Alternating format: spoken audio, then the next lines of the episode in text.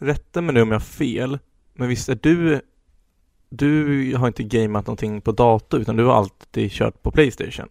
Mm, jag har Jag har gett mig på World of Warcraft vid kanske tre tillfällen i mitt liv Kommit till level 20 och sen har jag känt Nej, det här var inget kul Så att du är helt rätt, jag brukar, jag spelar typ bara storydrivna spel likt typ Red Dead Redemption GTA Last of Us Uncharted, ja men sånt där, det är min typ av spelstil.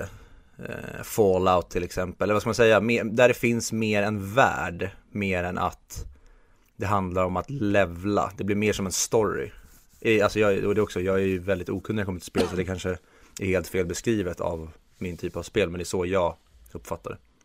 Ja, men, så du har inte jättemycket erfarenhet av internettroll och så, så här klassiska hets och flames online? Nej, jag, jag är mer gjort det i IRL, i mitt idrottsliv. Så var jag trollet. du, du, var ju så som folk var i verkligheten. Det är faktiskt lite, det är en eloge. Oftast gömmer sig folk bakom skärmar. Jag var en idiot face to face istället. Men det är så kul, för eh, under min tid när jag spelade Dota när jag var yngre så kom, lyckades man träffa andra kompisar att spela med. Sen så satt man alltid i samma ventril och kanaler och liknande. Jag kommer ihåg det var en gång det var en kille som, som inte vi kände. Som alltid var lite så här, ja men han var lite käftig. Men man, man tar ju alltid sådana med en nypa salt. Men då hade vi en annan kille i vårt gäng.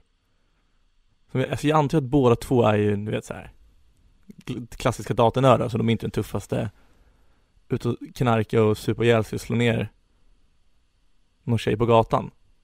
Det, du vet det som det, definierar tufft. Är det, det, det är det tuffaste. Nej, verkligen inte. Men eh, du förstår vad jag menar, alltså. Ja. Eh, och, och han käftade emot lite, så det slutade med att de så här, att de skulle mötas upp. Eh, så då han, han på min sida som vi kallar, vi kallar han Adam, för jag vill inte säga något namn. Och den andra killen kallar vi för, se, se något coolt gaming, gaming nick. Rex 240 MacGyver. Ja men Rex slipper jag säga hela. Rex på andra sidan, sen har Adam på vår sida. För Rex namn visste vi inte. Så, så då skulle Adam skicka sitt nummer till Rex för de skulle mötas upp i något centrum. För det, nu jävlar, it was going down. Två gamers du vet. Eh, men sen hörde vi inget mer. för, för först tycker jag också märkligt så här, ge mig ditt nummer, nu ska vi träffas. Det tycker jag är jättemärkligt. Men sen så, så hörde vi inte av Rex på några dagar. Och sen så frågade vi då Adam vad som hade hänt. Och om de hade mötts upp, och det hade de inte. Men det numret som Adam hade gett till Rex. Förr i tiden när man kunde ringa in och skänka 100 kronor till Cancerfonden. Mm. Han hade gett det numret som Rex hade ringt då. Så han hade alltså fått den här killen Rex att skänka 100 kronor till Cancerfonden. Om, alltså om inte det är det mest geniala jag någonsin har hört talas om. Det är jä jävligt, alltså vad ska man säga, det är en jävligt snygg eh, trollning. ja, men förstå när, nu, okej nu jag ska ringa den här jäveln. Vilket också jag tycker återigen är märkligt. Så den du hör är, tack för ditt bidrag. Men hur, eh, hur fick han reda på att han hade skänkt eller ringt numret? Jag tror vi frågade han Rex senare. Det här var, det här, alltså det här var typ 10-12 år sedan. Så jag kommer inte alltså, jag har fan ringt dig 10 gånger! Men sen dess, jag har alltid velat uppnå det. Så jag får mig att det var något år efter det jag för, försökte börja mucka med folk. Och så, men ring mig då. Skicka det här numret.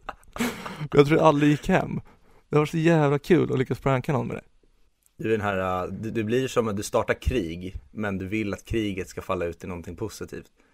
Du startar konflikter och sen så vill du att de ska bomba den här platsen som vi ändå tänkte riva, så ni skulle dra dit en, ett rivningsföretag. Ja. Men skulle man inte kunna sätta ut så här, du vet, äh, alltså, vet du, typ så här, äh, som man sätter på tavlor. Så har man någon sån här grej som alla vill ha. Ja men här, ring, eller en Blocket-annons på en jättebillig Playstation. Så det är numret man sätter ut. Är till det. Men idag, då måste det väl vara någon slags att när du ringer det så måste det finnas någon slags bekräftelsegrej att du inte bara råkar slå fel nummer och vips är du av med hundra spänn eller? Ja, kanske. Men se om man lägger ut det här under Melodifestivaltiden. Så ringer alla och röstar på ett bidrag. Vad jävla genialisk kampanj ja. det är. Nej, Tänk dig så här, jätteabsurt billiga annonser. Ja, men då vet ni det alla som lyssnar och hatar oss. Vi kommer skriva numret, så ringer ni och så får ni säga det ni tycker om oss, hur mycket ni hatar oss.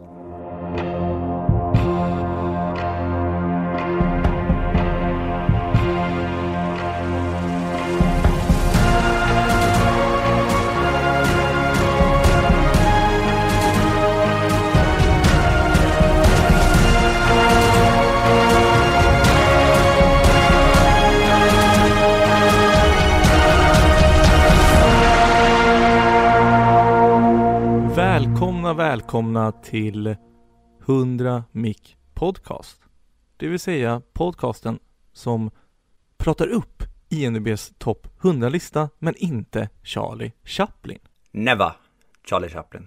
Vi har nu kommit till placering 42, alltså 59 avsnittet för de som bryr sig om det. Och eh, istället för den Charlie Chaplin-filmen som är nu, som jag inte ens vet vilken Chaplin-film det är och jag bryr mig faktiskt inte, Nope. Så har vi valt, mot alla odds, enligt mig, Titanic från 1997 och då som är gjord av James Cameron att prata om. Om lite backstory är att jag har ju aldrig sett den här förrän det här avsnittet. Och du har ju hånat mig över det Viktor. Ja. Och nu, eh, du presenterade inte oss eller att vi samarbetade med Moviesin, Sveriges största filmmagasin på nätet. Sa jag världens eller sa jag Sveriges nu? Osäker. Ja, skitsamma, Sveriges, eller vi säger världen. Moviesin, det är världens största filmmagasin på nätet, boom, tack för mig. Mm. Eh, nej men precis som du eh, sa så Det här är då en Charlie Chaplin placering och som ni vet tidigare så gör vi så att vi stoppar in en film som vi eller i förra fallet ni lyssnarna tyckte hör hemma på IMDBs topp 100 men som inte finns där. Och vi hade väldigt svårt att komma fram till den här gången vilken film vi skulle sätta in. Men så berättade du Fredrik att du aldrig har sett Titanic. Jag tänkte ju komma eh, till det. Eh, jag hade en plan i huvudet hur, hur inledningen skulle vara. Att jag skulle säga bolla till dig snabbt, du skulle säga bekräfta. Sen skulle jag säga, ja men dessutom så är vi sponsrade, äh, samarbete med Moviesin. Eh, jag, jag har ett som vanligt Fredrik och med mig har jag dig Viktor. Hur mår du? Då hade du sagt, ingen bryr sig, eh, fuck you. Sen hade jag dragit något olämpligt skämt. Och sen, och sen hade, vi gått vidare till att prata om någonting kul. Och då kanske utforska Titanic mer. Men behöver vi utforska Titanic? För det gör de ju i filmen. För det är en nutida film. Skitsamma, det pratar vi om senare. Precis, vi eh, kommer till det sen. Och det är ju frågan nu, vart vi ska börja. Det... Ska vi prata om Mandalorian? Men det känns ju, det har ju varit säsongsavslutning för tre veckor sedan. Ja men precis. Det, det är lite komiskt vi, nu, vi har ju haft, vi har ju haft andra segment som vi har prata om sen Mandalorian säsong 2 hade sin säsongsavslutning. Men jag har varit väldigt sugen på att prata om just den och vi lyckas ju, vi kanske inte lika mycket nu som förr, men tidigare i podden så lyckades vi alltid komma in på Star Wars i varje avsnitt, men det kanske inte lika ofta längre. Men om vi då bara ska göra en liten summering var The Mandalorian befinner sig nu efter säsong två och vad, vad tyckte du om säsong två? och vad tycker du om säsong två i jämförelse med säsong ett? Vad tycker du om Mandalorian som tv-serie? Vi kan ju bara prata lite om den som du säger, när den har avslutat sin säsong två. Mm. Jag tycker att säsong två höll en bättre klass. Det var mer en handling som drevs framåt. Även om det var så här små moment i handlingen. Men i första så kändes det inte som en klar handling. Då åkte han mest runt och bara försökte ta reda på saker. Och sen så när han kom till planeten så gav han typ ingenting. Det kanske gav han så här. Åh, jag behöver den här reservdelen. Om då får vi landa här så gör vi ett helt avsnitt om att jag behöver den här reservdelen. Det gillar jag inte. Mm. Det känns lite för mycket som det jag sa innan det här med vad jag spelar för typ av tv-spel. Det här med att du åker till en plats, där ska du samla på dig en viss armor-del, sen ska du vidare. Mm. Och det älskar jag i tv-spelsformat, men i tv-serieformat avskyr jag det. För som du säger, säsong två har ju mycket mer ett mål. Mm. Och det är dit vi, även fast den också tar lite avstickare och kanske har lite dött kött där med, så är det mycket mindre dött kött på säsong två än på säsong ett tycker jag. Det känns ju också tyvärr att jag hade hoppats på en förlängning av The Mandalorian. Det vet jag inte om det blir. Men både det där, eh, vad heter hon? Ashoka? Ashoka Tan, heter hon det? Jag vet inte, alltså jag, jag, jag tänker på en jedin. Alltså inte Luke. Ja, utan- precis. ja.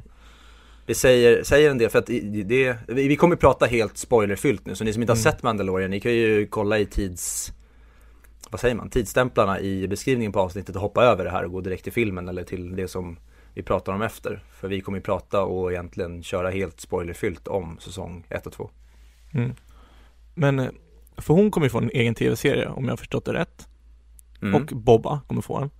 Så det känns som att båda... Det verkar, Bobba kommer få någonting, sen vet vi inte om, det kanske avslöjats nu när det här släppts men baserat på det vi vet nu så, för, eller jag, jag har inte läst så mycket utan jag baserar ju bara det här på vad vi fick se i post credit scenen så kommer ju Boba Fett få antingen en egen film eller en egen serie. Mm. Ja, någonting kommer man få, som du säger. Men för, undrar om Ashoka kommer handla om att de ska leta upp han Great Admiral Thrawn. För det, det trodde jag skulle vara en skurk nu när Moff Gideon failade. Nej men det då? Det är alltså en ganska högt uppsatt, jag tror det är kanske ranken under Tarkins, i min gissning. Men Tarkin är död. Jo, men Tarkin var ändå liksom the, the big man. Men Great, Han men var ju en Grand Moff. Moff Gideon har ju ingen Grand framför sin titel. Nej, men det, alltså Great Admiral Thrawn är fan en Alltså en big bad guy tydligen i det comics. Jag är ingen, ingen expert så Men den jag vet att han är ganska högt uppsatt och eftertraktad av rebellerna. Mm. Mm. Jag känner ju lite att jag vill ju gärna se en tv-serie om henne, även fast jag inte tycker att hon Många verkar tycka att det är den coolaste jedin i Vad säger man? I Star Wars Cinematic Universe hittills, alltså otecknade Men äh, han Han, hon har ju ingenting på Obi-Wan Kenobi eller Luke Skywalker för mig Jag tycker hon var en cool Samurai-esk jedi men det är verkligen ingen som jag bara wow jag vill se en tv-serie med henne. Men jag kommer såklart att se den om den går i samma anda och estetik som Mandalorian för att det är en äckligt snygg värld. Ja men det jag älskar med Mandalorian, alltså som jag pratade om när vi har pratat om det tidigare också Är att de verkligen får För Star Wars-filmerna kan ju få att allting ses, ses så, här, Ja, en mängden, ja nu har de sådana där robotkameler och Nu är de där, det där är så smått. Men det här, då får man verkligen se Det här är en jävla militärmakt, alltså De har såhär military grade weapons och Alltså allt de har i så här, för en gemene man Så är det verkligen stort Alltså när man Mm. verkligen får se när The TIE faktiskt åker ut från hangaren Nu sista, eh, senaste avsnittet Eller det sista för säsongen Då får man verkligen se så här, det där är ju Det är ju mäktigt, det är så här stor jävla maskineri som pågår mm. Ja det, det är typ det Det kommer säkert vara andra grejer jag kommer på också men det är verkligen en grej som jag gillar så jäkla mycket med Mandalorian Det är att vi fått se grejer som varit med i Star Wars tidigare men som du säger, nu får vi se när en TIE fighter launchas från skeppet och skjuts ut och det kommer med det här äh, vrålande ljudet Sådana Mm. detaljer älskar jag Men också det fanns ju ett avsnitt i första säsongen när man fick se de här äh, heter de? Det är inte 80-80s Nej, det är de här som går på två ben At est, eller vad hur det nu, om Ja. du, vissa, jag vet inte hur det uttalas, vissa säger ATST och vissa säger att de uttalas at at och at est Ja men när de ska försvara en by för de banditerna har fått tag i en sån De får se Mm. den så här, d- d- typ de röda ögonen här för mig verkligen En sån är verkligen förödande Ja, jag, jag tyckte det var skithäftigt i det avsnittet att se hur de visade vilken kraft den satt på och hur läskig den var. Dock tyckte inte att det funkade att de gjorde den så mänsklig och levande, att det kändes som ett monster. Det tyckte jag var lite för mycket fel ord kanske, men lite för mycket Bumbibjörnsaktigt för mig. Jag tyckte att de skulle hålla det, mm. de håller som en skräckinjagande maskin, men börjar inte få den att verka halvlevande. Det tyckte jag var lite, ja det funkar inte för mig i alla fall. Nej men det förstår jag Men också när, när man får se nu när Luke kommer och man får se hur mäktiga jedin är Och man får se allting från deras perspektiv som inte kan någonting om jedis För de är ju bara ett mysterium för oss är det liksom, the jedi är ju Star Wars Tyvärr ja, det hade varit så häftigt om de, i min dröm, då är jedi, det är inte det centrala i Star Wars, utan som de har gjort nu. Jedi är någonting mystiskt, någonting som vi inte riktigt kan, lite som hans solos relation är till jedis i Episod 4, att han, ja, ah, the force, det är mambo jumbo. Jag tycker det är coolt när man ifrågasätter det och så här, fanns jedins verkligen, var de verkligen så som legenderna påstår? Jag gillar inte när Okej, det är kul att se det i prequel-filmen också, det här med jedi-orden och det, men jag gillar inte att se jedi som någon slags här galaxpolis. Jag tycker det är häftigare när de är de här trollkarlarna, munkarna som lever i periferin. Ja, Men det är ju hela grejen med prequels, att visa att jedis har gått ifrån det Det är därför de har blivit korrupta försämrade. Skitsamma, det kommer vi prata om sen när vi kommer till en Star Wars-film Mm. Ehm. Men det, ja, jag älskar att Luke kom och man fick se liksom Hur powerful de är För det är någonting jag sagt i filmerna, alltså det känns så här Det som John Favreau och de andra gör bra med det här, är att de verkligen bjuder fansen på det de vill ha. Alla vill ju ha en Luke och visa hur mäktig han är. Och så ger de det, perfekt. Jag skiter Det om var man kunde inte miss... Luke. Det var ju Luke i Det sista var ju en, det var en Playstation 3 animerad wannabe Luke. Det var hologram-Luke kanske. Ja, nej jag, eh, jag har ju sett på Twitter att det är väldigt älskat, alltså det här sista avsnittet och Luke entrance och det där men nej, det är bland det mest bedrövliga jag har sett. Jag tycker att animeringen på honom är så jäkla ful. Jag förstår inte hur de kan ha låtit det där passera. Det är så jävla dåligt gjort. Och jag förstår inte att om nu inte animeringsteamet ser det här eller om det är någon som eller någon måste i alla fall säga så här, ursäkta men det där ser lite för mycket tv-spel ut. Sätt ett jävla skägg på karn och dölj lite av animeringen. För nu ser det verkligen ut som att de har, de har haft en skådis där som har spelat in och sen har de klistrat på ett animerat Luke Skywalker ansikte på och det ser för jävligt ut. Tycker jag. Jag tycker också det, men jag förlåter det. Men jag tycker det är synd Mm. att de hade kunnat gjort det på ett annat sätt. Alltså jag hade, jag hade ju köpt om de bara tog en annan skådespelare och gjorde han lite mer lik. Eller ta en annan, som de gjorde med den här hon Ashoka Tan eller vad hon heter. Ta en annan jedi som har funnits med i tidigare berättelser så som fortfarande kan spela sig själv eller som de gör med Rosario Dawson som de spelade henne, Ashoka Tan eller vad hon heter. Att, ja men kasta en skådis som den och sen så kanske det finns ett spin-off, en spin-off möjlighet för den. Det måste inte vara the main guy. Det måste inte liksom vara om det här har varit en Harry Potter-värld. Det behöver inte vara Harry Potter som kommer och hämtar grejen. Vi behöver inte blanda in det i the big narrative. Jag hatar det. Jag hoppades på att The Mandalorian skulle vara mycket mer en side story än att vi skulle baka in våra hjältar från huvud Star Wars. Jag älskar till Luke som kommer. Ha. Så där är vi inte överens. Vadå? Det är mäktigt att se honom. Jag vill se honom slå igenom de där Black Troopers som ska vara så jävla starka. Och bara komma dit och bara vara badass, ta barnet och åka iväg. Det hade varit värre om man... det Det, det hade varit värre om man, om man stod och så skulle bonda med Mandalorian och så vidare. Men han skiter i dem, han vill bara ta barnet och dra. Det är det som jag tycker gör det bra. Men jag tycker inte att det är mäktigt. Om vi tar till exempel Darth Vader-scenen i Rogue One. Mm. Det är ju bland de mäktigaste scenerna i alla Star Wars-filmer tycker jag. För Ja. den, de gör verkligen, de tar en scen som har funnits i en film, men du gör den från ett annat perspektiv och du får se hur det, allt det där utspelar sig och hur skräckinjagande han är. Mm. Den här scenen kändes bara jag vet inte, jag kände ingenting och jag, jag, jag förstod inte första gången jag såg det att det skulle vara Luke. Jag tänkte, äh, de kommer aldrig blanda in Luke, även fast snubben är klädd ganska, eller den här personen är klädd ganska likt och har ett grönt lasersvärd. Och sen var det Luke och det såg för jävligt ut och jag kände ingenting och det var så tråkigt. Och jag hade, och jag men i övrigt, jag älskar den här säsongen, jag tycker den är skitbra. Jag tycker ehm, avsnittet när de är vid det här templet och Grogu sitter och gör den här, det här kraftfältet och Boba Fett dyker upp. Det är ett av mina favoritavsnitt i tv-serien någonsin tror jag. Jag var så jäkla hänförd. Det var så kul hur de tog ut svängarna och det verkligen kändes som att de var i den här miljön på riktigt. Det var ett svinhäftigt avsnitt. Så att jag är svinnöjd med den här säsongen men just när de avslutar det här med Luke och det, nej, det, det föll superplatt för mig. Ty, alltså tycker du det föll så mycket? Ja, det sab- jag tycker avsnittet i sig i övrigt är ganska ballt. Jag tycker fighten mellan eh, Gideon och eh, Mandalorian är skithäftig.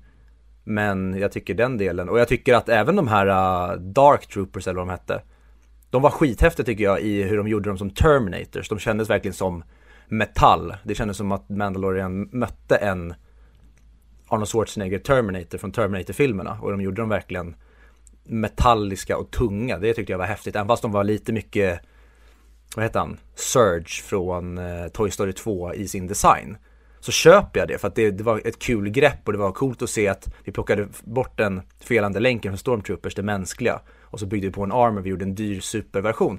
Det var kul att se hur de lekte med det. Men jag känner att hela Luke-delen, det bara lämnar mig med en bitter eftersmak.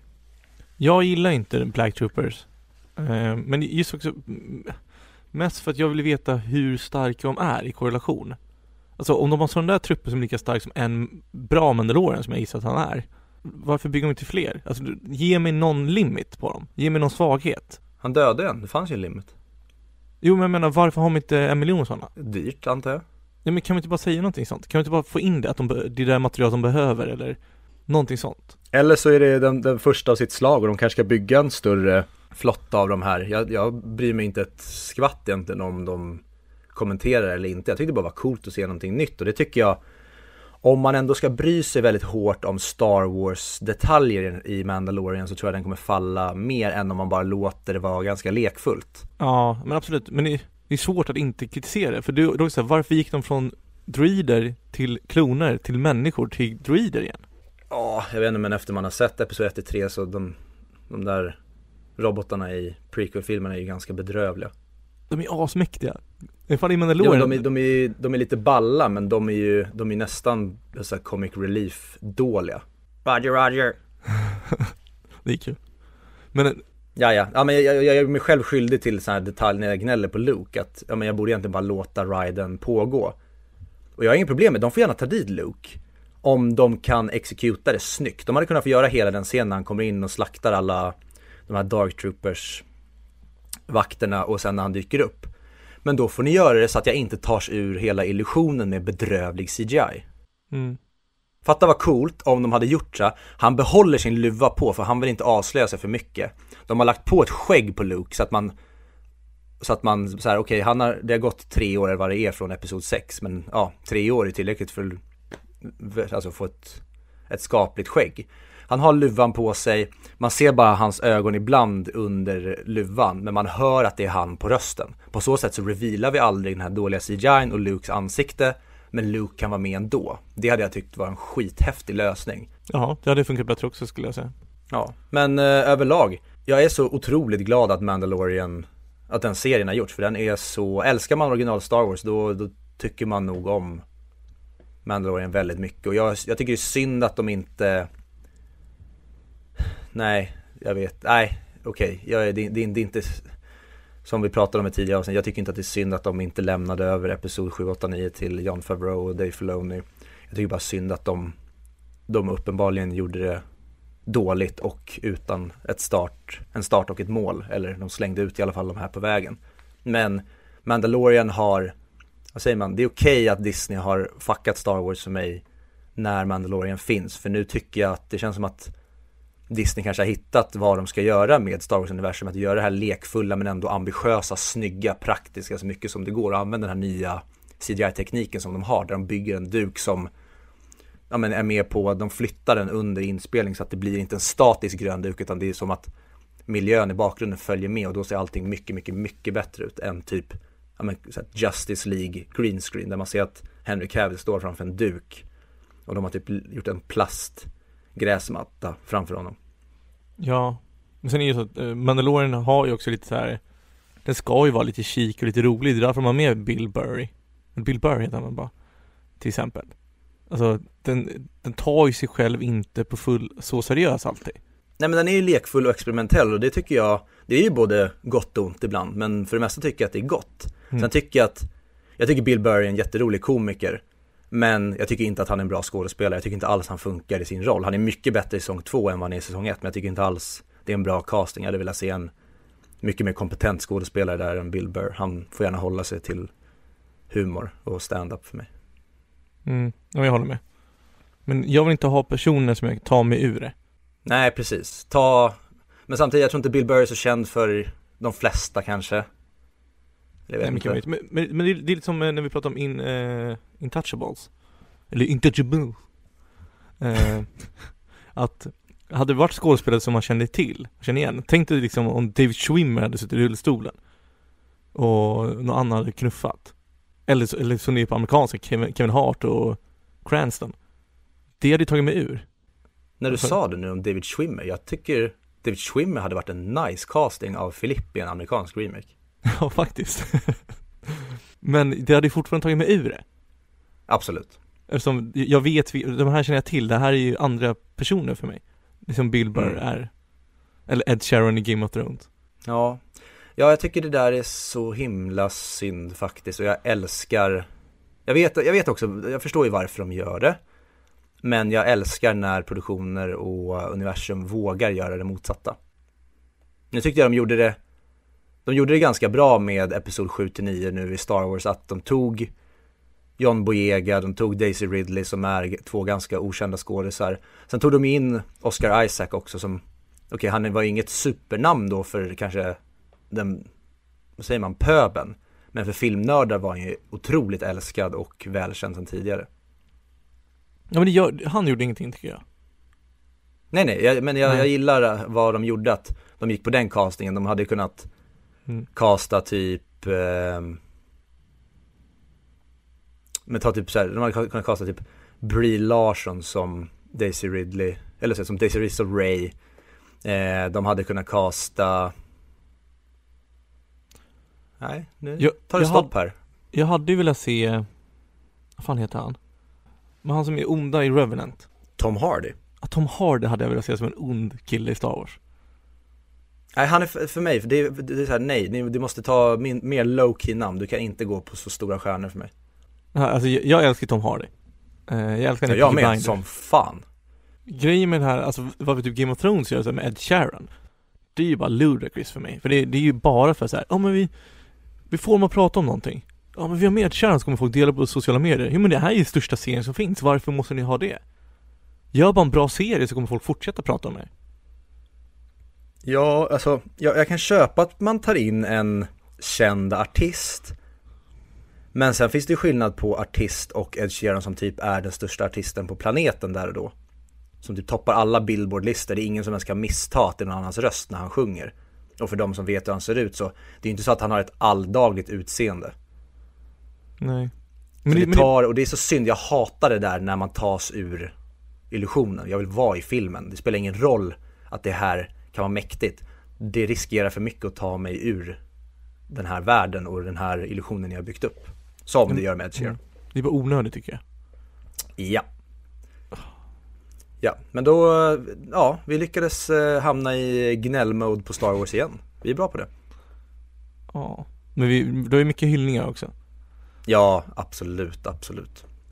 Uh... Vi har ju knappt nämnt det, men det är så jävla häftigt att Boba Fett är med. Och det Boba Fett har blivit, eller den här Boba Fetten är.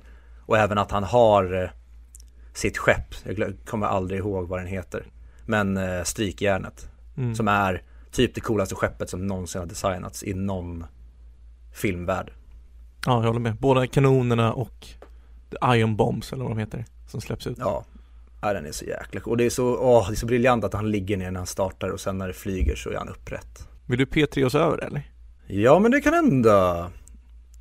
Men eh, från att gå från strykjärn eller från att gå från, vi går från vi går från rymdskepp som ser ut som strykjärn över till en båt där det finns människor som har råd med strykjärn och människor som inte har råd med strykjärn. För nu är det dags att prata om Titanic. Oh, jag tänkte så här, vart är han på väg? Spännande. ja,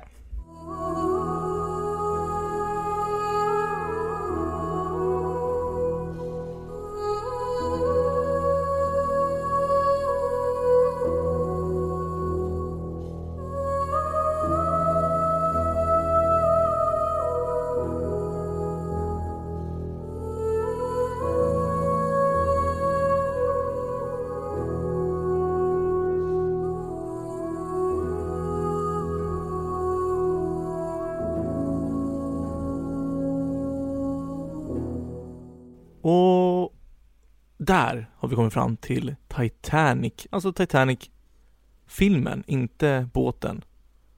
Eller filmen är baserad på båten. Den filmen som är baserad på båten kom ut 1997. Eh, en av James Camerons mest Oscar-belönade filmer någonsin. Det är en av de mest Oscarsbelönade filmerna någonsin. Det är väl den mest Oscarsbelönade någon, filmen någonsin tillsammans med Konungens återkomst och någonting till som jag inte kan komma ihåg. Ja, det finns en till. Eh, vilket både är sjukt och kanske lite rättvist. Vi vet inte, det får vi se senare. Viktor, hur många gånger hade du sett den här filmen innan vi såg den? Jag vill säga att jag har sett den en del i barndomen, men jag har inte det.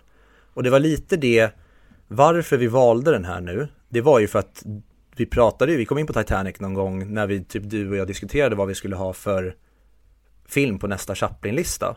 Och då, då var det ju förra gången så blev det ju Shutter Island efter att du och jag tog fram fyra kandidater var och sen fick lyssnarna rösta, då blev det Shutter Island. Men då kände jag att det är så tråkigt när du och jag tar, för vi tar ju fyra alternativ som vi bara kommer sitta och hylla. Och förmodligen så kommer, alltså de alternativ som vi har tagit fram vet vi ju typ att vi båda gillar. Och då blev det ju så med Shutter Island, vi satt ju bara och hyllade den och det gör vi så mycket med de andra filmerna i och med att det är en lista med de hundra bästa filmerna. Mm. Så därför så när, när du sa att du inte hade sett Titanic och jag håller Titanic som en väldigt överskattad film men den är ju väldigt älskad, den har flest Oscars någonsin och den är ju en superklassiker. Då kändes det som att, jo men vad fan, Titanic kan vara kul att prata om och där finns det potential för att du och jag inte kommer bara sitta och hylla den och säga att den är hemma på IMDBs topp 100. Mm. Exakt. Som du sa, jag har aldrig sett den.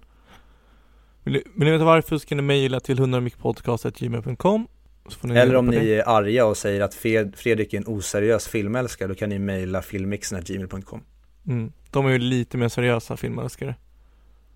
Uh, jag tror också... båda de, både Viktor och Patrik i filmmixen, de har ju tatuerat in över hela bröstkorgen seriös filmälskare. Det var kul att testa med dem. Du vet, så här, det finns en klassisk misheard quotes. Som många tror ju att han säger Luke, I am your father. Men vad säger mm. han egentligen Viktor? No. Nej vänta. Oh. Åh. Oh. Han säger Obi-Wan never told you. Han säger you He told me you killed him. Då säger han No, I am your father. Bra, jag är nöjd. Eh, det, det, det, var kul att testa det med dem som är seriösa filmälskare.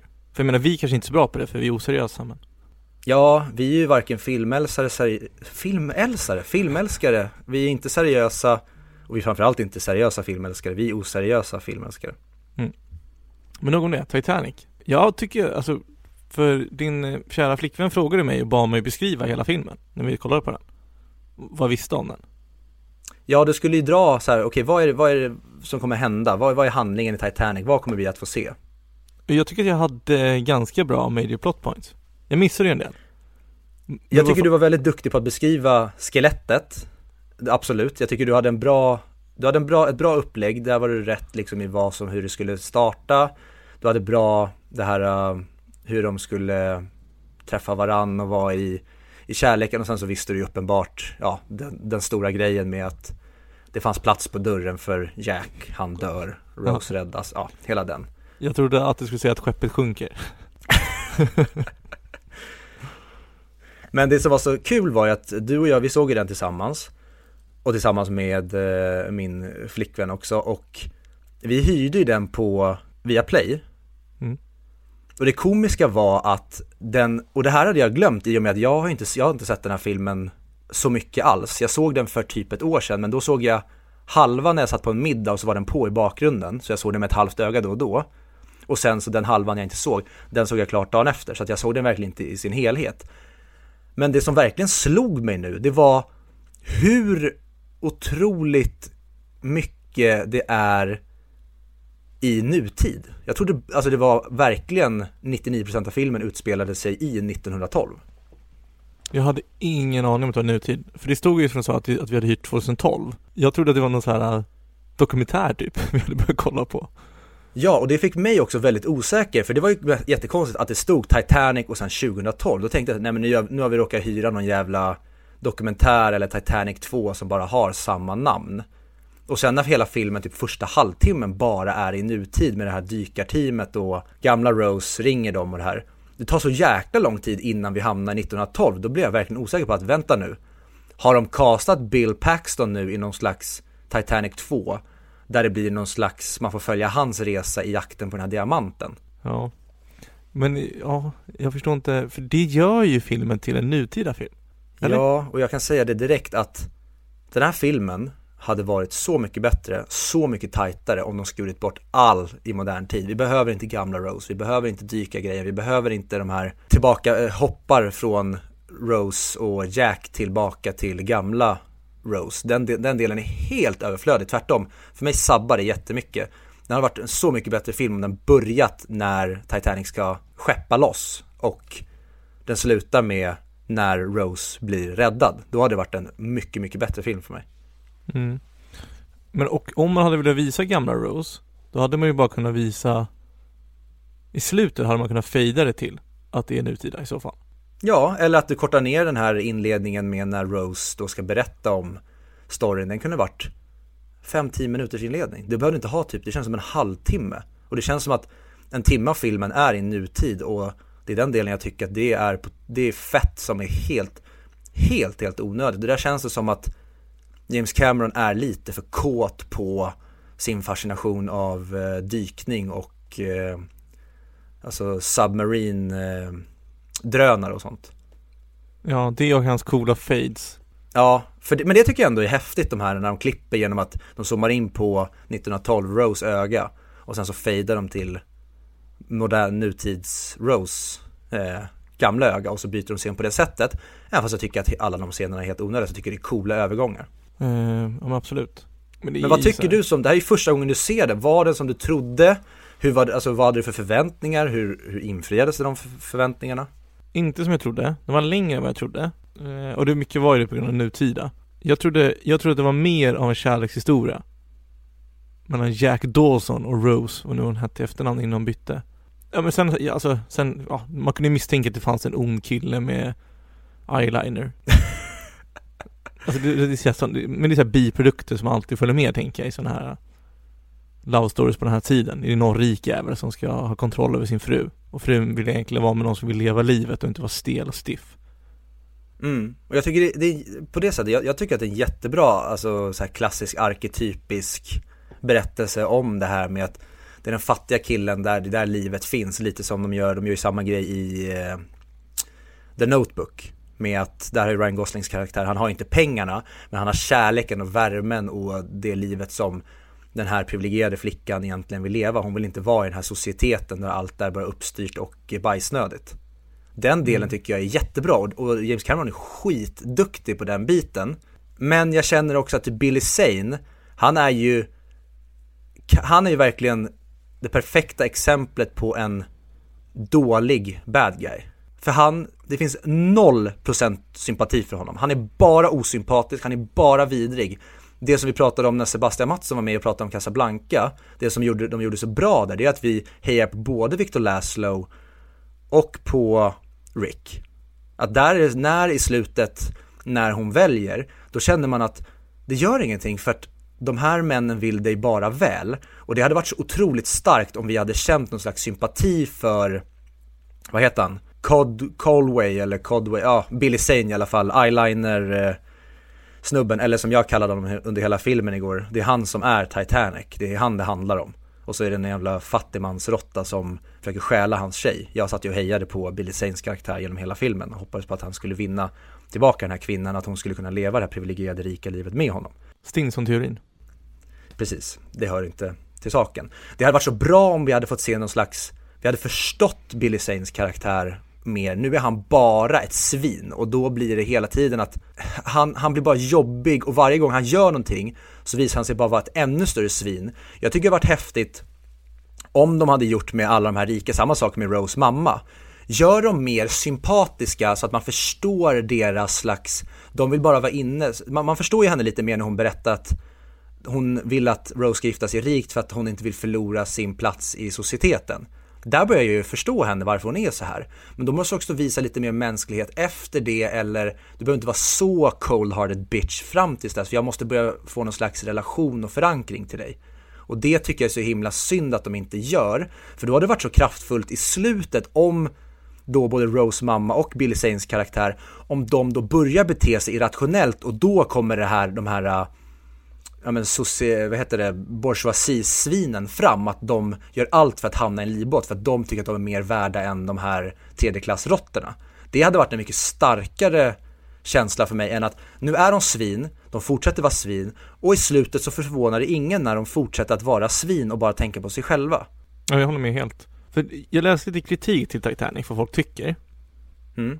Och, då, och de som sätter 1 av 10 vilket jag alltid tycker är lika kul. Kan, kan inte folk bara sätta en nyanserad betyg? Sätt 5 av 10, som du antagligen tycker. du kan inte sätta ett av tio på den här filmen för det spelar ingen roll hur dålig den tycker att den är. Rent tekniskt och utfört som en film så är den inte ett av tio. Alltså ett Nej. av tio, då, då är det att du inte, du förstår ingenting.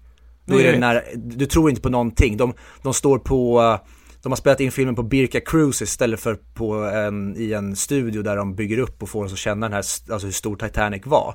Alltså du, du, lyckas inte lura oss för fem jävla öre. Och det kan ju ingen säga att den här filmen inte gör. Nej, ett av tio typ en, om jag skulle sätta och filma min vägg i en halvtimme. Ja, och så sitter eh, Leonardo DiCaprio och eh, Kate Winslet där och spelar upp deras kärlekshistoria. Det är ett av tio. Det är ändå två av tio. Ja, okej. Ja, men precis. Till och med det. Till och med det är två av tio. För att du och jag skulle återspela deras kärlekshistoria. Det Ett kammarspel där Rose och Jack blir förälskade. Det hade jag i och för sig. Det låter ju som en minst sex av tio film på förhand. Ja, men min poäng är i alla fall att det de skrev Det var mycket att de klagade på att här hade han chansen att skildra en hemsk sak som hände. En händelse.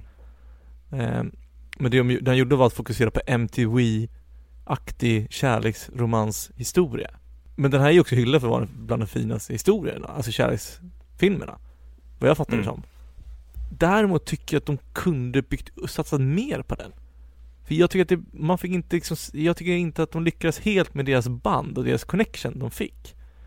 Det, jag tycker att det gick för snabbt från att Oj, det här verkar en intressant kille till att hon kommer där. Jag var ju säker på att det var en dröm. När hon kommer ut till honom och han står längst fram i fören. Men för det, det känns bara som att det var pang på. Men det, det, undrar om det var lite också för att då hade jag önskat att de inte skulle ha så mycket koll på Rose. Hans eh, undersåt. Och att de skulle få uppleva mer roliga saker. Mer tid att de får dansa tillsammans och ha kul. Det hade jag nog uppskattat mer tror jag. Ja, det är intressant. För där känner jag, jag tycker att kärlekshistorien är ju det som bär den här filmen tillsammans med Den här gången tyckte jag att effekterna har ju åldrats mycket sämre än vad jag mindes dem. Det här är ändå en film från 97, precis innan ja, men Gollum och eh, Jar Jar Binks och den tekniken kommer. Så man får ändå Den är ändå jävligt snygg den här filmen och James Cameron har ju jobbat med väldigt mycket praktiska effekter och det är jag väldigt tacksam för. Men när han går över till CGI ibland och blandar CGI och praktiska effekter så blir det lite off. Men jag är väldigt förlåtande för det för jag tycker att den här filmen är skitsnygg. Men jag tycker just kärlekshistorien och Leonardo DiCaprio och Kate Winslet är ju deras kemi här och deras kärlekshistoria tycker jag är 10 av 10. Ja, men den är bra, absolut. Men jag tycker fortfarande inte att den är, det är ingen 10 av 10 i mitt smak. Men jag har bara sett den en gång. Men det är alltså du har ju sett flera av filmerna på den här topplistan, det är ju första gången du ser dem. Så Ja. att du, jag tycker inte, nu, nu får du ju utgå från att du bara sett den en gång och inte potentiellt vad den kan göra. Det kan du ju också göra såklart, men jag är intresserad av den här superklassikern som varenda tonåring har, eller det känns som att varenda tonåring har bölat över under vår uppväxt och det är liksom all, det känns som alla tjejers favoritfilm när vi växte upp. Levde den upp till hypen? Eh, oj, vilken ja eller nej fråga. Det är både och. Så det är så här, alltså, jag vill ju dels få mer av de två. Men samtidigt, om jag, om jag hade fått mer av deras kärlekshistoria och verkligen få se hur fina de är tillsammans och hur roligt de kan ha. Mm. Då hade ju slutet av ännu jobbigare. För jag hatar ju att kolla på den här filmen eftersom jag vet ju vad som kommer hända. För jag, jag har inte levt under en sten. Jag vet att Jack kommer dö. Och det, det är ju, alltså varför skulle jag vilja utsätta mig själv för att se nå, någonting hemskt? Men så, alltså vet du att han dog? Vi såg ju bara honom falla ner i mörkret. Det har vi ju sett med Star Wars också. De har ju kommit Ja. tillbaka. Nej men jag, och jag vet, jag, jag har sån otrolig respekt för James Cameron här, vad han gör med, bara hur, hur Jack dör. För Jack hade kunnat dö på så otroligt mycket mer heroiska sätt, eller vad säger jag, mer storslagna sätt.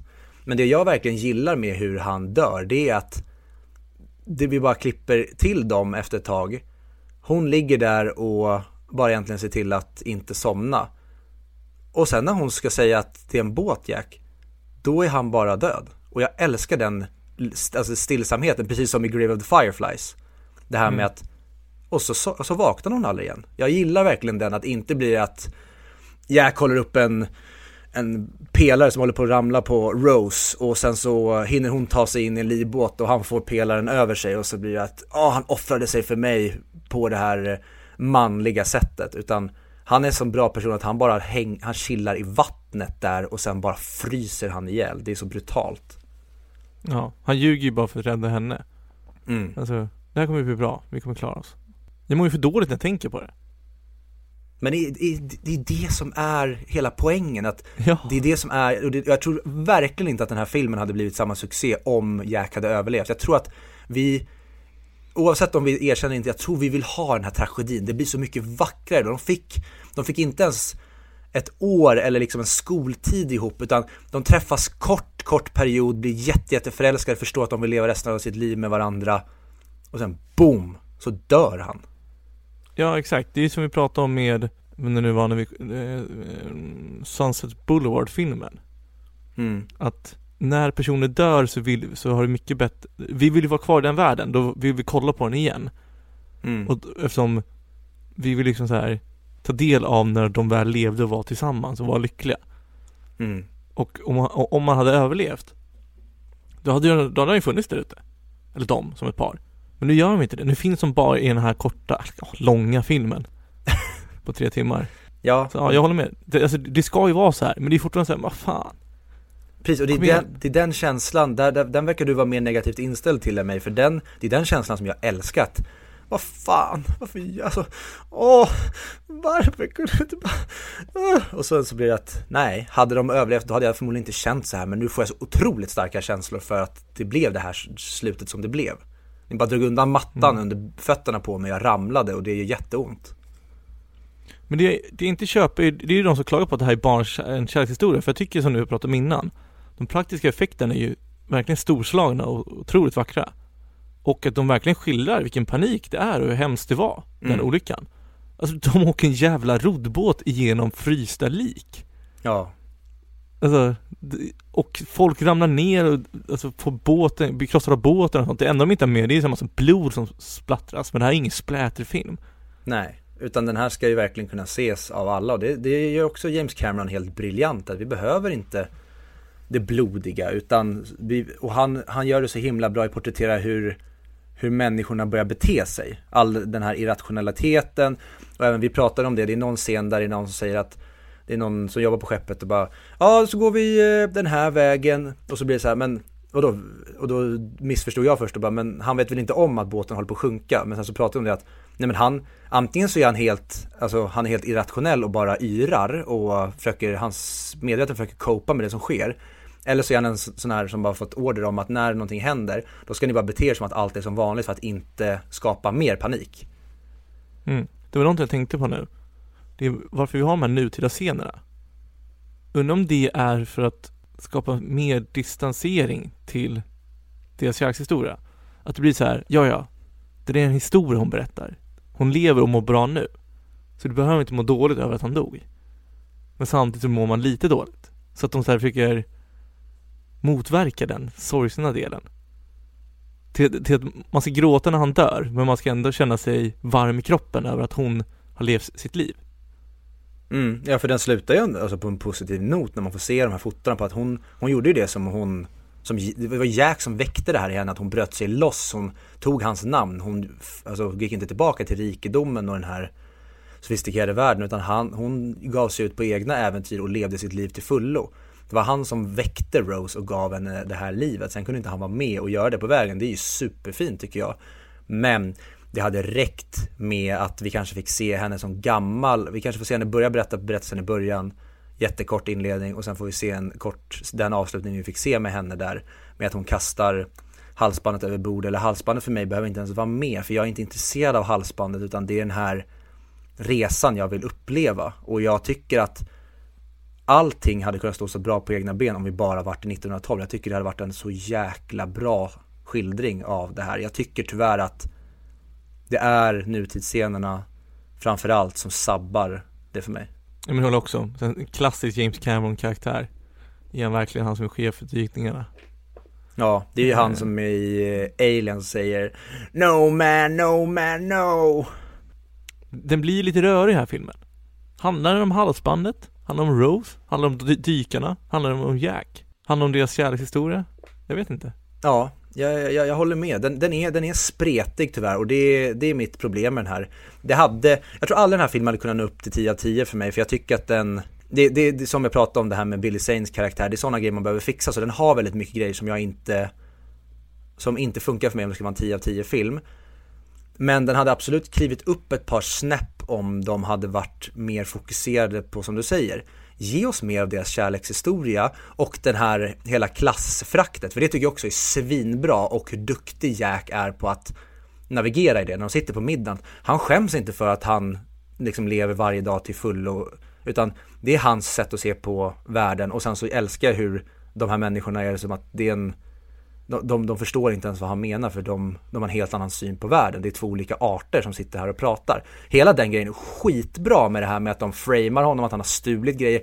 Det hade räckt så himla bra. Men sen lägger de på liksom fett på fett på fett på fett utöver det som det känns som att James Cameron är rädd för att det här ska bli tråkigt men jag tycker bara att James Cameron, du måste våga lita på att vi tycker att Rose och Jack och klassstoryn och att båten fucking kört på ett isberg, det räcker. Du behöver inte allt det extra. Ja, jag tycker också det är lagom där med framingen att en dålig film så hade ju varit att, eh, att hon, Rose, verkligen inte tror på honom och bara, nej det är säkert du som är tjuven. Mm. Men så här, alla med common sense kanske hade tvivlat på honom först, men sen har insett att det, det är inte han som har gjort det där. Mycket ingen sens. Varför skulle han sno den där? Eh, så det tycker jag är bra. Och jag håller med dig också. Det har, det har varit mycket mer symbolisk scen när hon hissas ner av båten som hon hoppar av sen. Om båda två som står där uppe, både eh, Billy Zanes karaktär och Jack. Står där och tittar ner och båda hade varit ändå så här schyssta personer. Mm. Men nu är det så här, det finns ju ingen normal människa som hade röstat och hejat på Billy Zanes karaktär. Nej, och det, det, han, alltså jag tycker inte ens att Billy Zanes karaktär hade behövt vara en good guy. Han hade bara kunnat få vara lite mer grå. Att han kanske börjar som ett asshole och sen har han det här, för hela hans karaktär bygger på att jag får alltid som jag vill. Ingen säger nej till mig. Och det är där när Rose börjar neka honom, då är det ju inte att han är kär i Rose, utan det är ju att hon säger nej och jag vill ha det som inte jag kan få. Och därför ska du komma med mig, jag, jag äger dig i princip. Och det är ju en skitbra drivkraft, tycker jag, i en sån här person, eller en sån här karaktärs eh, ark. Men då vill jag ha också att det hade varit coolt om han maskerar sig som en good guy. Att han börjar som ett asshole, sen när han märker att han, han kanske håller på att förlora henne till den här uh, fattiglappen, då kanske han börjar spela mer som en, en mysig och fin person och bryr sig om henne så att vi tror att han kanske har gått över till att bli en bra person när hon då hissas ner så att vi tror att ja men han började bry sig om henne och blev kär men sen så när hon då hissas ner så är han så här, du är bra på att ljuga. Ja, du också. Och där, oh my god. Han har bara låtsats vara den här good guyen och där kommer hans den här osympatiska sidan fram där han tar det här barnet som för övrigt är så jävla bra bad guy scen han tar upp en liten flicka och bara Hon är allt, jag är allt hon har i den här världen och så löser han en plats på båten genom det. Det är så jäkla bra skurkeri. Mm. Men jag hade velat se mindre av den skurksidan rakt igenom för nu är det bara Billy Zane är rövhål, rövhål, rövhål, rövhål, rövhål och sen är han rövhål igen så att vi blir aldrig förvånade utan det är bara så okej okay, hur fittig kommer han vara i den här scenen? Hur osympatisk kommer han vara här? Jag vill ha mer nyans där. Ja, jag håller med. Alltså till och med att man kunde, att han kunde visa lite empati i början med att vara lite så här rik, så man kunde tyckt så här Ja men kanske var så de betedde sig de rika och sen så bara helt plötsligt bara framar han honom så bara okej okay, men han är ett rövhål och sen var det ännu mer, ännu mer mm. Någonting av dem så hade jag också föredragit Men jag läste också på de här negativa kommentarerna att de de ogillar skådespeleriet från alla förutom Billy Zane. Oj.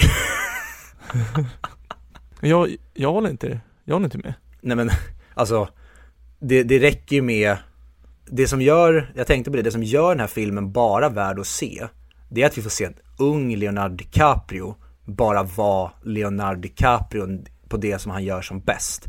Han är en charmig, witty, världsvan snubbe och det är ju verkligen det som Leonardo DiCaprio är bäst på. Han ska vara killen och han, vi har sa det flera gånger under filmen när vi kollade igår att Leonardo DiCaprio här, han ser ju ut att vara skapad i ett labb. Han är för bra på allting. Han, han är för bra skådis. Han är för vacker, alltså hårfästet är för perfekt. Allting med Leonardo DiCaprio, han är verkligen stjärnornas stjärna. Det kommer aldrig komma en större vad säger man, både som ser ut som en moviestar, har auran av en moviestar och kan skådespela som en moviestar, än honom. Jag tror inte det heller. Alltså nästa sån är ju typ Tom Hol Holland, men han är helt, alltså han är det på ett helt annat sätt. Han är mer cirkus, underhållare, geni. Han kan göra allt liksom, han är ingen moviestar på det sättet. Nej, verkligen. Ja men jag håller, där håller jag verkligen med. Jag tycker om Tom Holland. Fan, jag tycker han är en superbra skådis. Han är charmig. Mm. Men nej, han, äh, liksom, han, han, har, han har stoff av det som Leonardo DiCaprio har. Men de spelar, i, de spelar olika sporter. Ja men Leo har ju det här, alltså han, han skulle kunna äga ett rum utan att vara den som talar högst. Mm. Nej, men jag, men jag, typ- jag tänker inte Tom Cruise hade varit den som äger rummet genom att bland annat tala högst och vara charmig som han är. Men de är charmiga på olika sätt. Ja, Ah, Det, är- det är svårt att beskriva, sätta ord på. Men jag håller med dig. men sen har vi ju eh, musiken här. Där man ju, både Céline Dions eh, låt vann ju Oscar och även eh, Bäst komponerad musik. Vad, vad heter kategorin? Bäst, Best sound eller? Nej, bäst, sound eh, också. Score? Vad music. Ja, anyway, den är ju helt fantastisk, alltså My Heart Will Go On melodin och hur de använder den här, som du sa flera gånger att de teasar med den, den kommer i små varianter genom filmens gång. Vill du höra alla Oscars som, som, som den vann? Eh, får jag gissa och sen får du lägga till vilka jag... Eh, absolut. Den måste ha vunnit bästa film, Check. bästa regi, Check. eh, bästa typ, eh, vad säger man, eh, set decoration. Jo, exakt. Set decoration. Vann den, Check. vann den bästa foto? Visst är det cinematogra... Ja, den. Cinematography, ja. Check. Eh, vann, den vann bästa specialeffekter va? Ja. Check. Eh, Kate Winslet vet jag var nominerad, men hon vann väl inte? Hon blev bara nominerad för bästa kvinnliga huvudroll va? Det är korrekt. Hon blir nominerad men ej vann. Mm, sen är det väl typ så här sound mix eller best sound eller några sådana där grejer som Best sound. eh, Bäst, nej inte bästa manus va? Ser, nej, inte vad jag ser. Nej, men eh, ja det är kanske skit ointressant att sitta och lyssna på när jag sitter och gissar vilka, Jag kan gå igenom resten. Best costume design. såklart Best film editing. Best effects sound effects editing. Best music original song och best music original dramatic score. Och sen var det också nominerad för best makeup och best actress in supporting role och då var det Gloria Stewart som var. Det var som fan, ja det, det håller jag inte med om alls, hon var jättecharmig, hon påminner lite om Yoda men Nej, Oscarsnominering, hell no Nej, jag håller faktiskt med. Det känns konstigt. Att båda Rose ska få varsin Oscar. Ja, Eh, nej men det är, alltså sången är ju magisk. Jag hade ju hoppats på att de, att de skulle få trycka på den någon gång. Det tycker jag inte att de får riktigt. att typ de, de två skulle sjunga den som en duett Ja men typ, nej men att de verkligen får dra till med, för det är ju en helt sinnessjukt bra låt. Ja, Eh, men jag tycker att den inte får ut sin fulla kraft, vilket kanske är det positiva också, jag vet inte. Men jag hade velat att det, var, att det skulle komma, du vet det här otroliga cheesiga supermomentet. hmm. Ja jag, tycker verkligen att vi får det men det, du kanske, du gillar kanske eh, att gå djupare in i det än vad jag gör Jag, jag gillar ju när det, när det inte går för långt åt den typen av känsla för då kan jag tycka att det blir cringe eller för gulligullande och lökigt Men jag, jag har ju hört låten, och låten är ju mer mäktig än scoret. Om vi säger så. Ja men det tycker jag med Och jag tror det är därför som jag hade velat haft det. För låten är inte med förrän efter texterna. Det är ju en eh, så klassisk meme Det här med att eh, allting blir mer powerful om du spelar eh, Go On Så finns det jättemånga typ framförallt sportklipp typ där något fotbollslag avgör en match och så bygger de upp med låten och sen kommer klimaxet när de gör mål och firar och då får ju klippet bli ju Alltså off the charts då i känsla Det är, det är lite som den leftover, att allting blir mer dramatiskt. Exakt, Fast tvärtom. Ja, kul. Det får vi testa sen någon gång. verkligen Nej men jag tycker att det är ju perfekta roller. Eh, jag vet inte om jag hade kunnat tänka mig en annan än Kate Winslet. För det är bra till med Kate Winslet är att hon är ingen pangbrud i den här filmen. Hon är ingen liksom Margot Robbie i Wolf of Wall Street. Utan hon är så här, hon är, hon är flicksöt, härlig tjej. Jag, jag, håller, jag håller verkligen med dig där. Det är en grej som jag tycker att de har misslyckats med, men det är, det är svårt. Jag tycker att Kate Winslet ser så gammal ut här. Jag köper mer henne som en 30-åring. Och Leo, han Ja. ju tvärtom. Alltså jag tror att, vad var de? De var 23 och 24 när de spelade in. Ja, någonting sånt. Ja, de är ju runt 20-årsåldern i alla fall och de ska ju spela 17 och 18 har jag för mig. Och det köper jag, Leo ser verkligen ut som en 17-åring men jag tycker tyvärr att eh, Rose, hon ser ut som en 30-åring. Men det kanske också är medvetet att när hon är så här sminkad och alltså till, för hon ser ut som en porslinsdocka, det kanske är meningen att hon ska, ska se äldre ut och mer sofistikerad och kvinnlig ut. Ja men hon beter sig som en nervös flicka som är kär i någon. Mm. Om, om jag hade fått känslan av att Rose var yngre, då hade jag tyckt det var ännu mer charmigt när de beter sig så här barnsligt irrationellt och blir jagade och tycker det är kul när, eh, vad heter han, för övrigt världens sämsta, eller världens sämst passande skurknamn, det är ju han Lovejoy. Ja men den, den karaktären är ju inte tyvärr så bra tycker jag. Nej, och, och det är också en grej som har pratat om det i Aliens avsnittet. Jag tycker tyvärr att James Cameron är det går, går garanterat att argumentera emot det här, men jag tycker att han är ganska dålig på att kasta när det kommer till, han är väldigt bra tycker jag på att kasta sina huvudroller oftast, alltså bara Linda Hamilton, Arnold Schwarzenegger, Edward Furlong tror jag han heter som spelar John Connor i Terminator 2. Där tycker jag han är skitbra. Och mm. även här med liksom, du har Kate Winslet och Leonardo DiCaprio, två av de bästa skådespelarna som vi någonsin har haft. Men sen tycker jag att i hans filmer som tar typ Avatar, eller om du tar birollerna här som Lovejoy. Jag tycker Lovejoy, det är, en, det är en sån blek och platt skådespelare, han som spelar honom. Det ser ut som vilken random statistgubbe som helst. Jag bryr mig inte, jag tycker inte han ser intressant ut. Sen går han åt, åt fel håll där med Billy Zane. Jag tycker att Billy Zane har för mycket, vad säger man, skurk-aura, att man aldrig tror på någonting annat. Eller till exempel han som spelar skurken i Avatar. Där är det aldrig någon tvekan om att han kommer vara en skurk. Han, alltså han, hela hans aura är bara så här, du är en bad guy. Där är James Cameron, han är väldigt duktig på att sätta någon som en typ supertydlig hjälte en supertydlig skurk. Där jag tycker han hade varit kanske lite bättre på en, en gråzon. Typ eh, om du tar, eh, verkligen inte ett bra, eller verkligen inte ett exempel, jag skulle bara fortsätta gnälla. Jag tycker Sam Worthington som spelar huvudrollen i Avatar. Mm. Det är en av de blekaste skådespelarna som finns. Han är så jäkla platt och tråkig. Och vad, vad hände med hans karriär efter det? Han gjorde väl typ den här Clash of the Titans, sen kan jag inte komma på någonting annat jag sett honom i för att han är så jäkla trist. Sen, ja fine, han är ju med Ellen Ripley i Avatar, eller Ellen Ripley, Sigourney Weaver. Men där är det ju inte, alltså Sigourney Weaver är ju inte en James Cameron skådis utan han tog ju med, han fick ju henne i Aliens i och med att Ridley Scott hade gjort Alien. Men jag kan hålla med om det, men han har gjort några filmer sen Worthington efter, som är så halvstora tänker jag. Men eh, ja, det är inte Det är inte det bästa vi har, om vi säger så Nej, så om det är någonting jag ska klaga på med James Cameron, han, han jag tycker han är en, han är en han är en mycket bättre filmskapare. Det här brukar Alex som eh, brukar gästa oss, han brukar säga det att, för jag brukar gnälla lite på James Cameron, jag tycker att han, han jag tycker att han är ganska över, han är överskattad även fast han har ju bevisligen gjort bra grejer. Men jag tycker att och Alex brukar säga det så bra att James Cameron är en jättebra filmskapare, han kanske inte är en lika bra regissör. Men det kan jag hålla med om. Uh, han är ju väldigt re revolutionär med det han gör. Han gör ju det bra och han gör det ordentligt. Därför kan jag tycka att James, Men... James Cameron kanske ska syssla med att vara producent. Och vara den som lägger den här själen och känslan över en film och jobbar med då tekniken som, som han är väldigt duktig på att han bryter ju ny mark med sin teknik. Det är ju kanske hans största arv skulle jag säga. Men han kanske ska låta någon annan som kanske är en bättre regissör regissera hans filmer och så får han vara som någon slags gudfader. Men det är väl därför också, jag tror det är också en bieffekt till att jag tycker att deras kärlekshistoria inte är fullt ut. För jag tror inte James Cameron har kunnat göra det tillräckligt bra. Jag vet inte, det är något element som saknas där tycker jag. Den är inte så här, wow. Nej, och jag kan köpa att du, eh, du tycker det. Tack. Sen, sen jag, jag, jag kan ju tänka mig att när den kom ut då var den, då var den mer wow, för då var den lite mer unik. Men jag tycker att sen dess har det kommit bättre.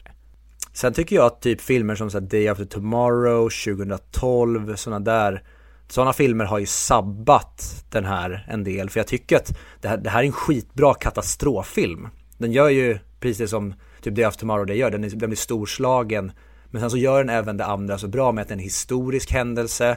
De gör det på det här skeppet, du får kärlekshistorien, klassgrejen. Så att James Cameron gör en katastroffilm men han lägger på så mycket mer som gör den här filmen mycket mer än typ Day of Tomorrow eller 2012 är. Men jag håller ju med dig om att det finns exempel som har sabbat lite för Titanic. Men jag tycker inte, jag försöker verkligen alltid att se filmen för vad den är. Jag vill inte jämföra med andra och där tycker jag att den är svinbra.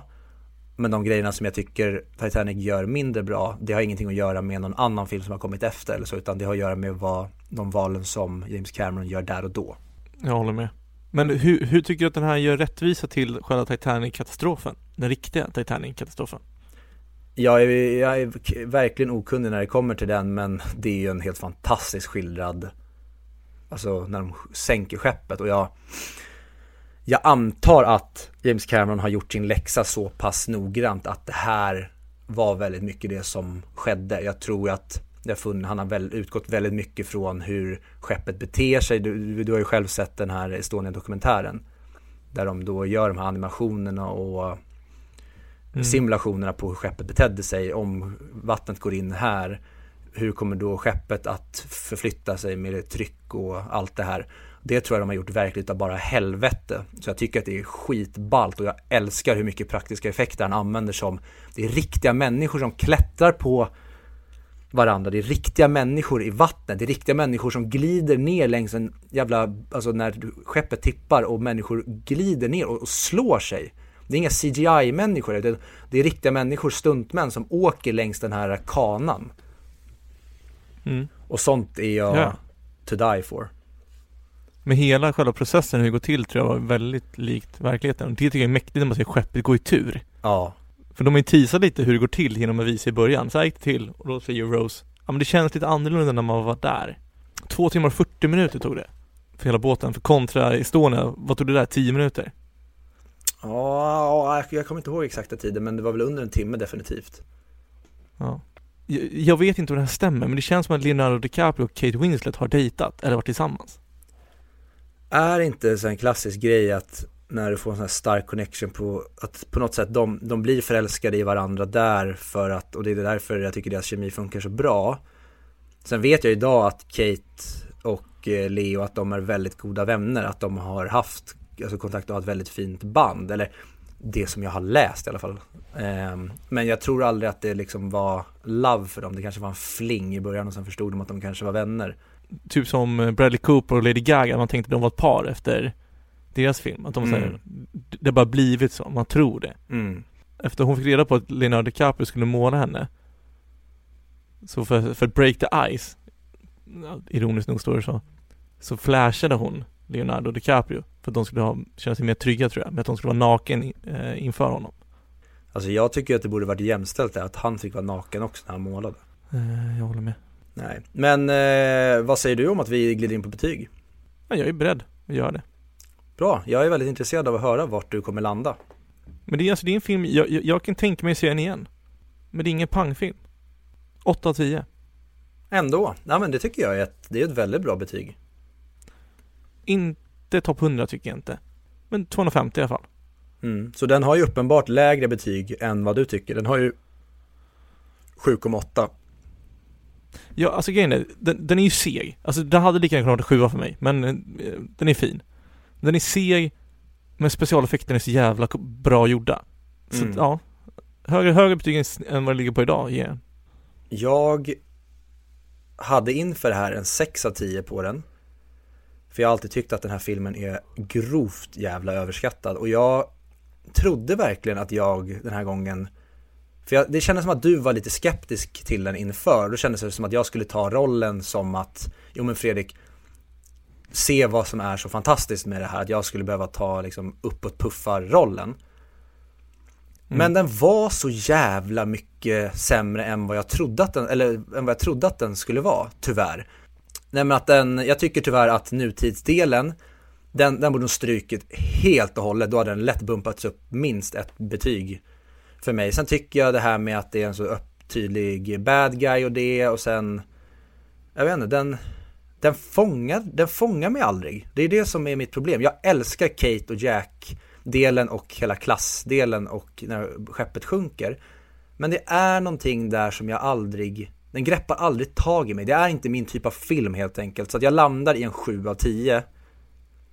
Och jag tycker definitivt mm. inte den hör hemma på topp 250 heller. Mm. Skulle jag ge ett exakt betyg så hade jag gett en 7,7 eller 7,8 tror jag. Men mm. det får en 8. Ja. Kul! Ja, jag får se. Det, ni får gärna ge respons ni som lyssnar på. Tycker ni att Tycker ni att det var en bra film som vi valde? Tyckte ni att det var intressant att vi tog en film som vi inte kände att vi skulle sitta och bara älska? Att det blev lite mer gnäll nu än på många av de här 10 av 10 filmerna eller till exempel Shutter Island eller In Bruges som vi själva har kört tidigare där vi båda är bara helt sålda på den. Eh, det kommer ju nu om två filmer så kommer det en till Chaplin och där tänkte vi att ni lyssnare ska få bestämma vilken som blir den sista Chaplin-placeringen.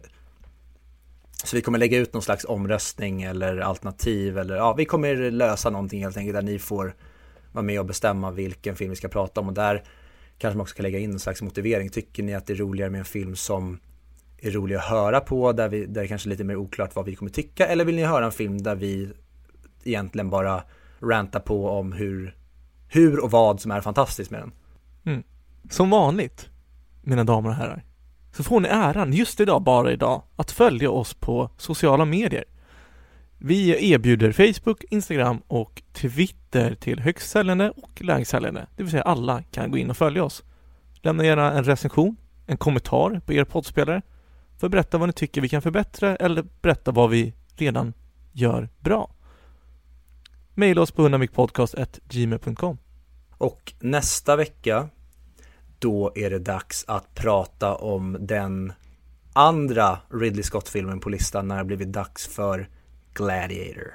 Ooh. Ja, det ska bli intressant. Jag har inte sett den på länge, länge. Så det ska bli, det är nästan lite så här, inte som Titanic, men det är en film som jag vet inte riktigt vad, vad, jag är lite rädd för att se om den. Men det ska bli kul, som fan faktiskt. Och för er som vill se den, den finns ju då att för er som har ett Amazon Prime-konto, ett Netflix-konto eller ett HBO Nordic-konto så finns den att se där. Det känns som att man har i alla fall någon av de här tjänsterna. Men för er som inte har det så går den att hyra på Blockbuster, iTunes, Rakuten TV, SF Anytime och via Play. Bra jobbat.